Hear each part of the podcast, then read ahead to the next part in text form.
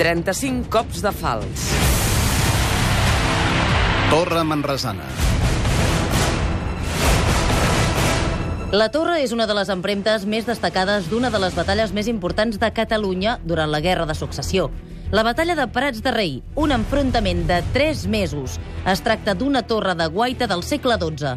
Francesc Serra, doctor en Història Moderna i professor d'Elies Moianès. La Torre Manresana és una torre medieval que està situada al municipi de Prat de Rei, al nucli de la Manresana, i allà, des de mitjan setembre de 1711 fins a finals de desembre, és a dir, fins al dia de Nadal, hi va haver el quarter general de l'exèrcit austriacista o aliat. Els 21 metres d'alçada de la torre la van convertir en un observatori privilegiat per les tropes austriacistes. amb el mariscal Starenberg, que era el comandant en cap de l'exèrcit austriacista, el mariscal Guido von Starenberg. Llavors ell, des de la Torre de Manresana, eh, va dirigir la batalla de Prats de Rei, eh, que va ser una de les més importants que hi va haver a Catalunya. Centrem-nos, doncs, en aquesta batalla de 3 mesos. Quanta gent hi va lluitar? A la batalla de Prats de Rei, Calaf, es van enfrontar uns 35.000 soldats borbònics contra uns 17.000 soldats austriacistes aliats. Sobre el terreny hi havia soldats de 15 nacionalitats diferents i aquest escenari, eh, tota aquesta zona que formaria part del, nucli de Prat de Rei i l'entorn, l'entorn agrícola més immediat, eh, doncs va ser l'escenari d'aquesta batalla. La victòria austriacista la va marcar el bon posicionament de les tropes. Era el seu terreny i es van saber defensar.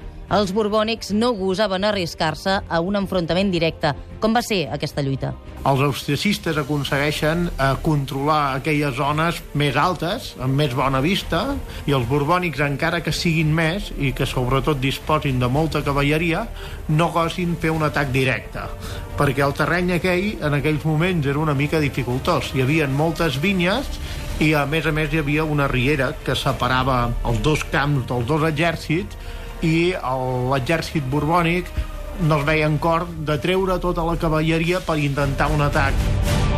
Com que els borbònics no es veien capaços d'actuar amb la cavalleria, van decidir arribar a Prats de Rei per sota terra, però tampoc se'n van sortir.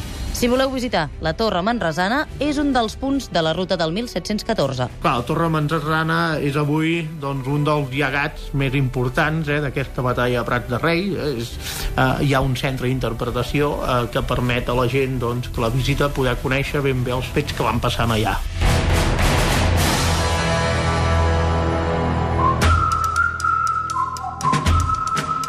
35 cops de fals. Laia Claret i Clara Jordan amb muntatge musical de Josep Plazas.